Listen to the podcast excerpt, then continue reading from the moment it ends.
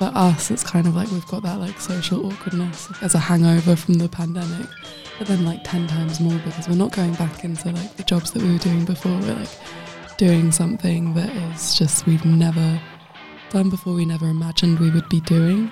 You write songs like so sometimes so you don't have to talk about stuff. And then when you get asked to talk about them, you're like, oh god, this is not what I Dit is de Backstage Podcast. De enige backstage waar iedereen welkom is. Ik ben Dennis Wening en in deze serie spreek ik mijn favoriete bands en artiesten van nu. En dit is wel even een momentje. Onze eerste internationale gasten. We maken deze podcast samen met Jack Daniels, onze favoriete whisky. Jack Daniels support goede muziek. Het leven is tenslotte te kort om naar slechte muziek te luisteren. Dus make it count.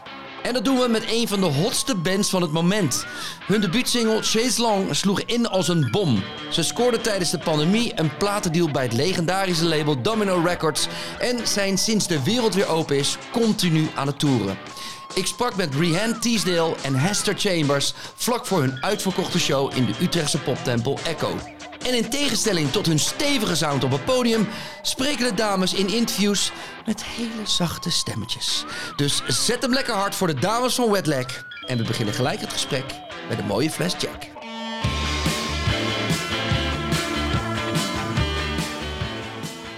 What? Oh, That's, so, funny.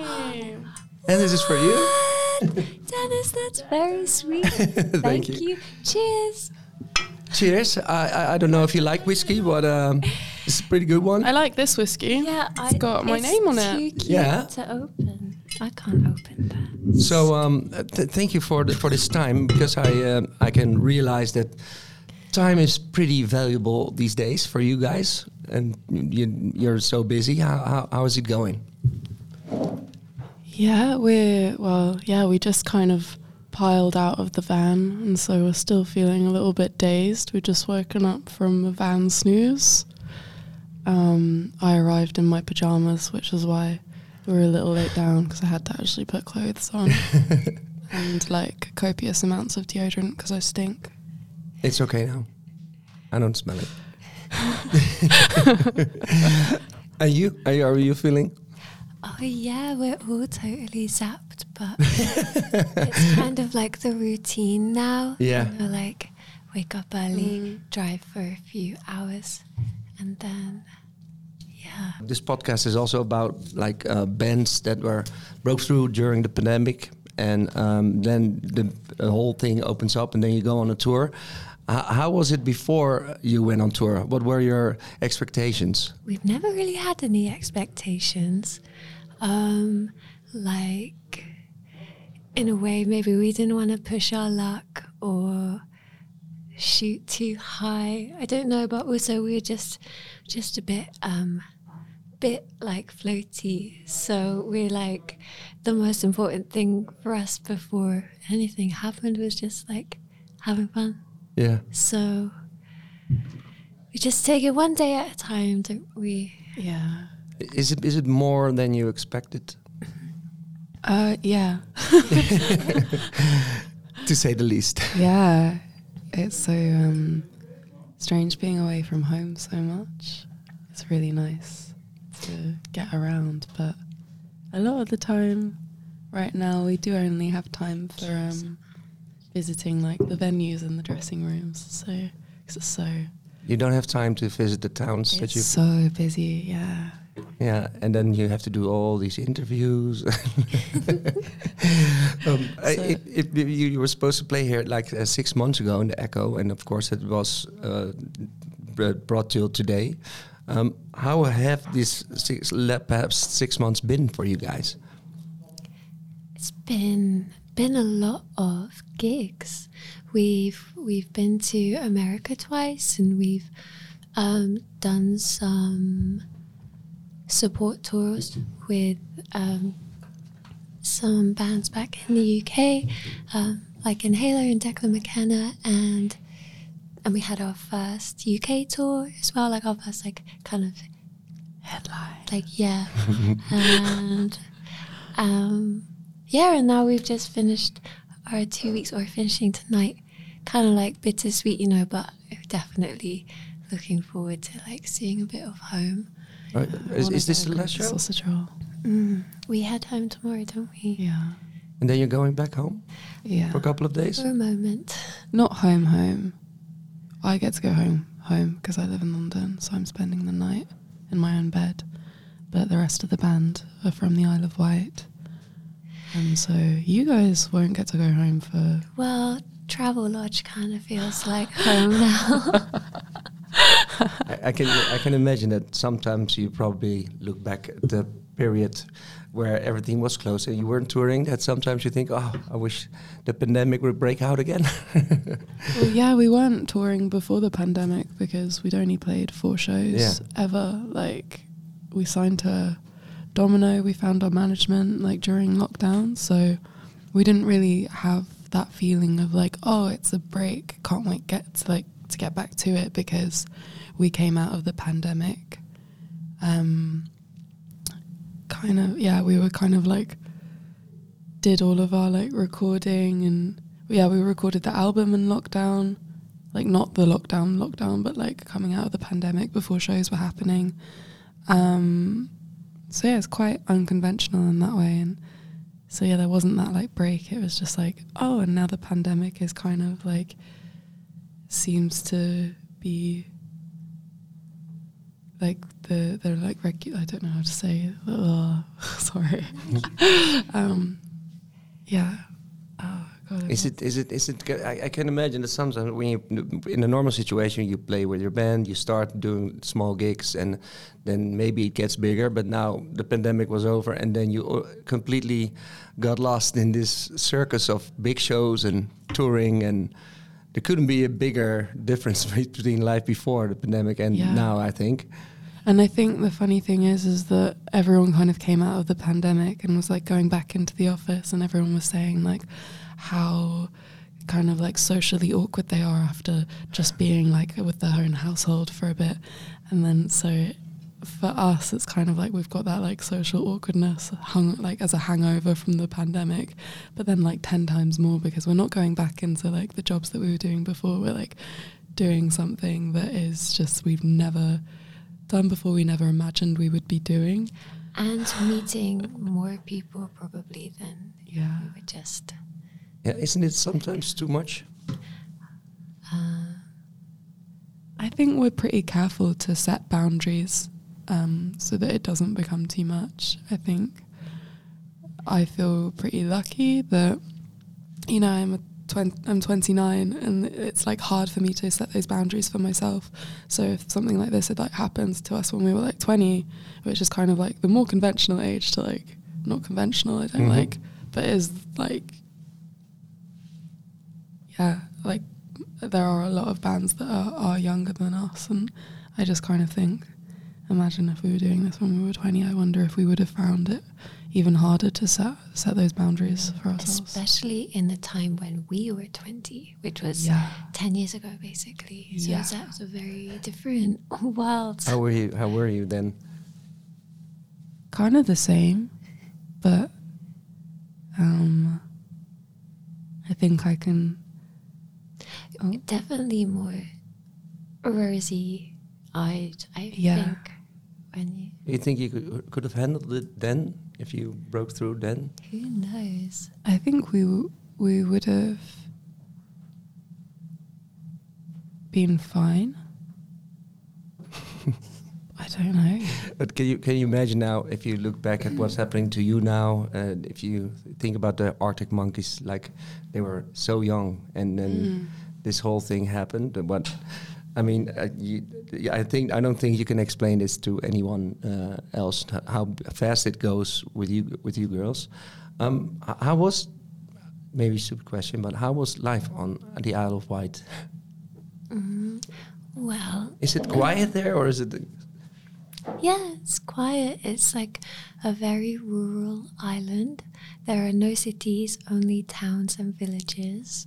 Um, and sometimes just houses like out in the sticks. Um, so it's got small town vibes, um, which like isn't a bad thing, but it leaves young people with a feeling of I've gotta see more of the world, which is what yeah a lot of people end up doing, moving away. Um, it's very touristy. Like the summers, the population like it doesn't double, but there's kind of a crazy number of people that come over to holiday. Um, and it's also a very creative place. A lot of music and art and like theatre goes on there. Um, quite a nice community, we think. And how long have you been friends already? Like 10 years or something? Yeah. And were you already making music th- back then?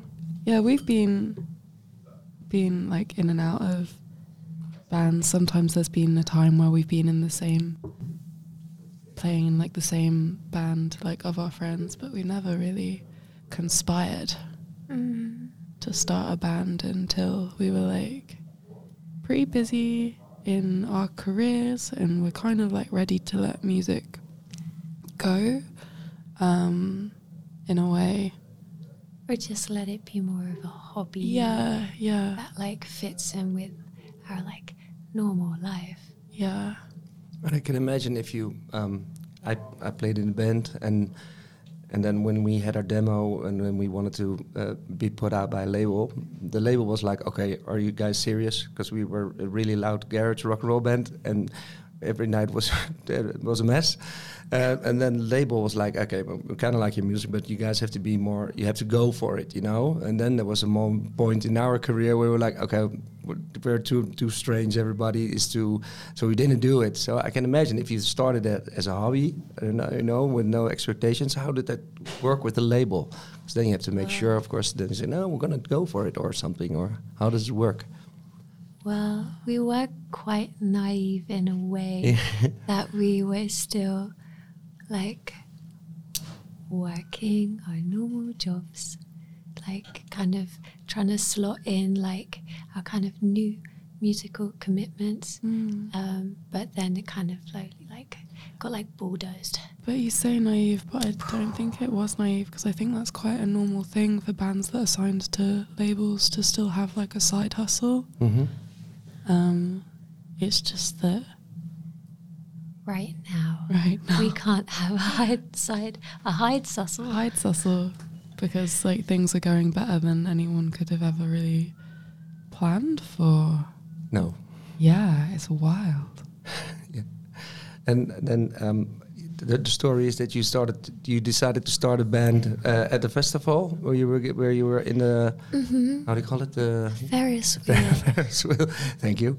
Uh, what, what what kind of bands were playing that you thought okay we're gonna do this? Was like did you see Idols or We saw Idols and we saw Feist as well.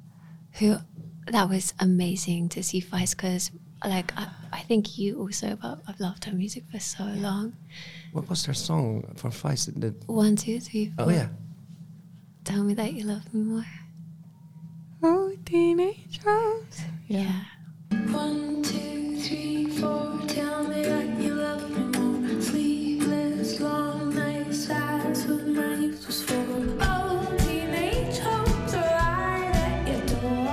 and then you started to make music. And did you ha- already have an idea? Because I, I think it's really cool that you say you make dance music for sad people. was that the, the whole idea at the beginning? Um, no, it just we never really had much of an idea. We just knew that we wanted to go to festivals the following summer and wanted to play a set that would kind of like fit in that environment. And before we'd been playing kind of more like delicate, introspective, kind of folky stuff. And then like when you're at a festival, of course, you're like competing with the donk of like the tent next door. So you're like playing this sad, quiet music, ah, la, la, la. and then it's like goont, goont, goont, goont, goont, goont, like next door. So we were like, why don't why don't we just like take up a bit more space? You which can before, become the oomph. yeah, exactly. Now we're like gonna be pissing off some like folky act next door, hopefully. what was the first song that you wrote? It does it have a name? I don't know. It's it's about It's not on the record anyway. No, it's about being abducted by aliens. And And we wrote it on the Ferris wheel. Yeah. Um, And then And then when we got home from the festival, we were still like, we weren't, I guess we weren't too like pooped that we didn't actually like, I don't know, must have that. It's one of those things mm. where when you're having like a really like good time and you're a bit spangled that you like come up with all these wonderful ideas of all the things you'd like to do with the people you love. But then mm. they're really hard to actually make happen. So we must have got home and then had a band practice and was the band name already uh, that you, that you thought okay how how how d- difficult was it for you to find a band name? we had loads kind of in in the running, but in the end we just chose the most dumb one so that we could like remind ourselves not to take ourselves too seriously. And, it's, and is it true that it is about people that don't live on the island of Wight that Yeah. they get a A wet leg. the wet leg because they get off the boat on the wrong way or something? Yeah, yeah, yeah. Stuff. It's another name for overners. For Overners. overners. Because they go over the water. So Oh. an overner. Okay. Uh, um, in the beginning, when you made the demo, I think something like that, and then you send it to Domino. How did it, that process go to uh, to get really started?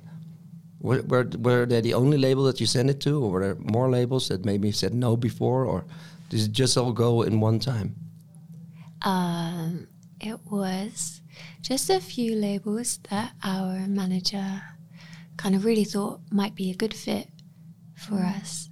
And we took them to our favorite pub on the island.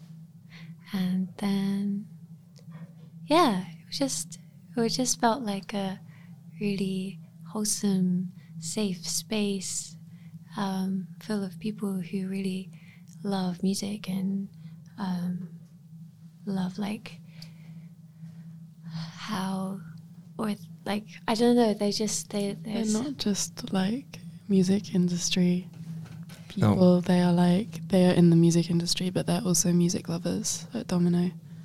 Yeah, it's more like one of the most awesome labels to be on, I think. Yeah, And then you, you also got the producer uh, Dan Carey. yeah. How was it? How did that combination work? Oh Because he my worked with all these awesome bands like Black Midi and Franz Yeah. Ferdinand and Um, Fountains DC. that was a really strange time.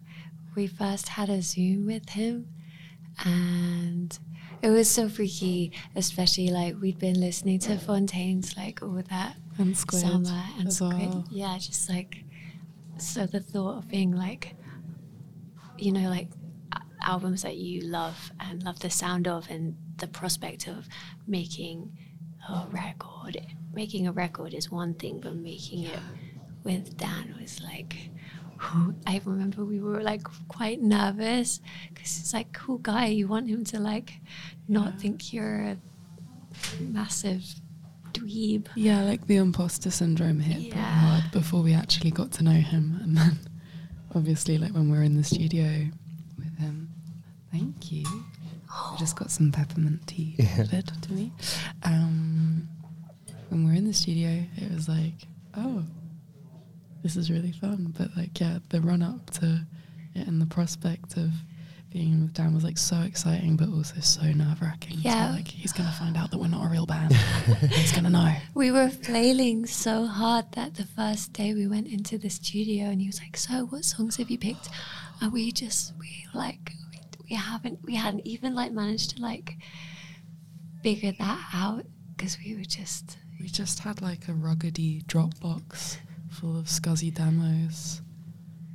Um, And it, how how important was he for your sound? Did he did he work on some songs as well, or was it just recording? Like, That was definite. Yeah, we we like had never never like gone on such an endeavor before. So we it was really cool that he was like into like helping us like shape the songs. But he's like so like I don't he would always like, if he would like like when um like because we're kind of like both of us are kind of like when we're scared we try and like back out of like doing things but he was like very insistent that it was like us that like played the part that we were going like that we talked Yeah. about and so like sonically he's like yeah he's such a wizard and like the sound of the album is all him um not all him but Yeah, well, Han got to play his drum kit, which is very cool. I think it's like staple. and I played his Mustang that was rescued from a house fire. What? It's so cool. We are like, Dan, what's your favorite thing in the studio? And he said it was that guitar. It's like, here you go, Rhian. A Fender Mustang. Yeah. and the neck is all kind of like I don't know. I, can, I don't The really know. varnish is all like bubbly. And I, d- yeah, I did- it's funny that you say that. Ju- Yesterday, I brought my guitar to the shop, and I have a really old Fender Mustang at, sev- at from '78, ah. and I'm so fucking proud of that guitar. It's just, you know, it's, so that I can imagine that if you have that, it's Yeah.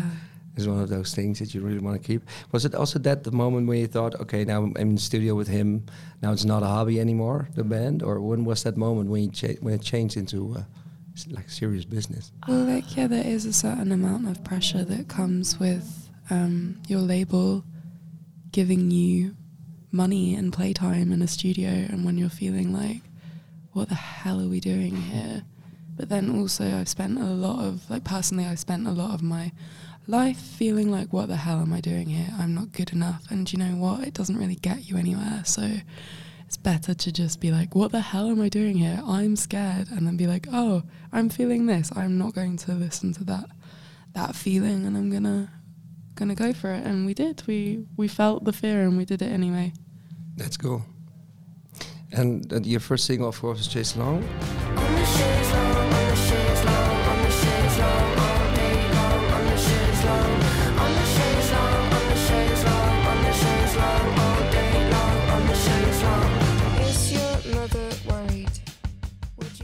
Did you expect it to be like? It, it, that was the first single, of course. I can imagine that it's exciting to put it out, and you, you're like wondering what people will think of that song, and then it blew up. Wow. How was that for you? it's a bit underwhelming, actually. Sorry, joking. That was a joke. I was like so excited to get out because we'd been sitting on it for ages and I just wanted our friends to see it. Yeah, especially the video because we were so chuffed having never made one before. And then it just like, shloop. And then, you- yeah, you, I can, you, you're proud, of course, and you want to show it to everyone. Uh, was it that, was it when that single came out? Was it was it still during the pandemic, or was it? Uh, Mm-hmm. yeah, and then Yeah. you still had to wait for to play live. Yeah, just a couple of weeks or so. Just a couple. Yeah. And then, uh, of course, then people call you the big hype. I can imagine that that's really annoying. Or is it good? or what do you think about that? Yeah, we just don't really. I think in a lot of the interviews leading up to the album, the questions would always be like, "Oh, like, don't you feel pressure? Yeah, yeah. Don't you feel stress? do you feel stress? Do you feel stress? Now the Or album is coming out. The Are you pressure going on to the cry album. right Are you now? gonna cry? I think you should cry. um, yeah, I mean, no. Yeah, I can imagine. But- and then you have the pressure of the album, of course, and everybody's going to ask you, "Do you feel the pressure for the album? And can you live up to the expectations and all that kind of stuff?" Mm-hmm. I'm, I'm gonna. th- Yeah. that's that's. I mean, now I you can laugh think- about it. I hope. Pretty early on, we were just like, the only expectations we, or the only pressure we need to worry about is like making sure that, wait, no, that, I was, my sentence is just back, backflipped. We've always just been like the damage is done. Like we were really lucky. Yeah. we were really lucky that we got to record the album before Chaise Longue was Yeah. released. So you never had to think about, okay, we have to change these songs or whatever. The, the album is done. It was done. So people would be like, "Oh, like it's going so well. Like, how about that album, huh?" yeah, yeah, yeah, yeah. yeah. Like- or it's already done. You never thought about, okay, we have to change it or whatever. Now it's done. This is it. And yeah, yeah. So quite lucky, really. And how do you think about people? Because then I can imagine if you write songs and you do it just for, I don't know, that people are starting to analyze all your lyrics. Mm. Is- how does How does that work for you? We didn't think about that. Because you write songs like so sometimes so you don't have to talk about stuff. And then when you get asked to talk about them, you're like, oh god, this is not what I planned. I know.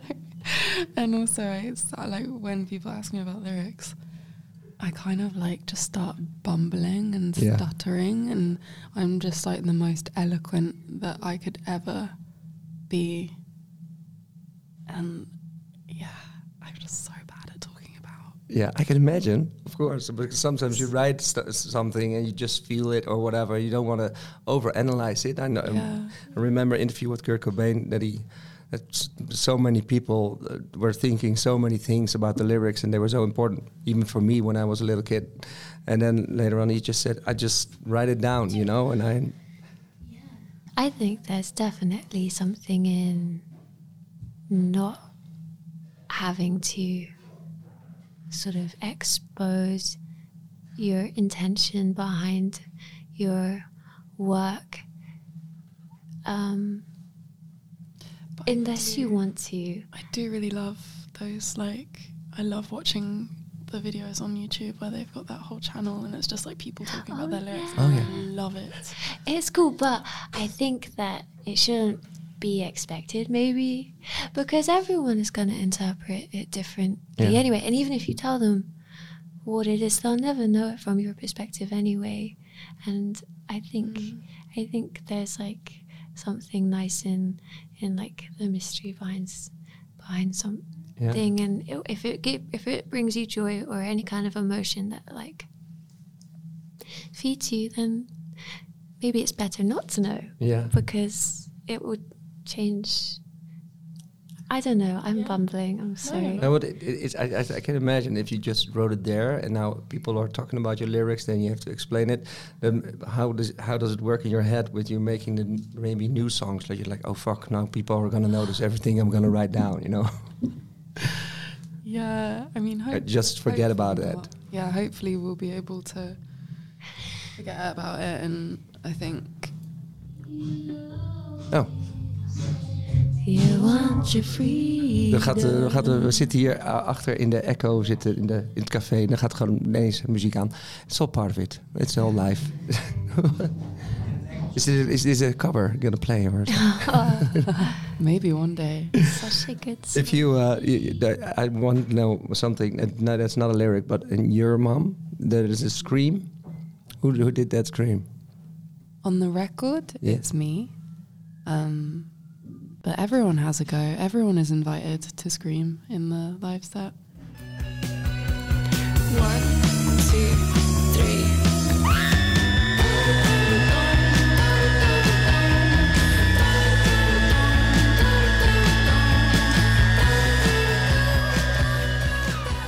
It's a really good scream. I love it.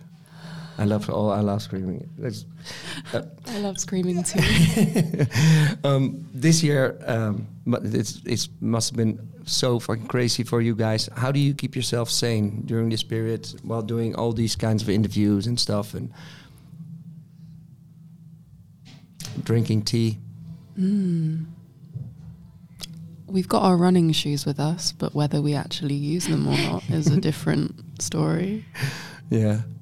Yeah, really ugly ones, which means they're really good and practical. Good for. And how much? How many times did you go for a run this tour? I've actually been like three times. I have yet to go on a Three, run. three times during the whole tour already. which is an achievement. yeah, of course, I have to say positive. Three times, really good. Um, More than none. during this crazy tour, what were the highlights? Because I saw you, you were playing on Jimmy Fallon and you did all these crazy things. The US tour. Yeah. Well, most recently, I thought that London Calling was pretty f- fun. Although oh it was man, you so, were the highlight of the in the it Paradiso was this so Saturday. terrifying. I'd never really. S- s- I, yeah, It was very fun. gives me the heebie-jeebies, but it was fun. yeah, how, uh, what what do you think of Holland so far? I really like it. Yeah. How is the Dutch Dutch audience treating you guys? Pretty nice. Yeah. I heard Paradiso was wild. Paradiso was wild. the And Rotown was Rotown's a cool venue. Yeah. yeah, that was really nice. It reminded us of a venue that we have in the UK. Um, it's called Night Manchester. and Day Cafe. Manchester Night and Day Cafe. Um, so we felt quite at home there, so it was cool.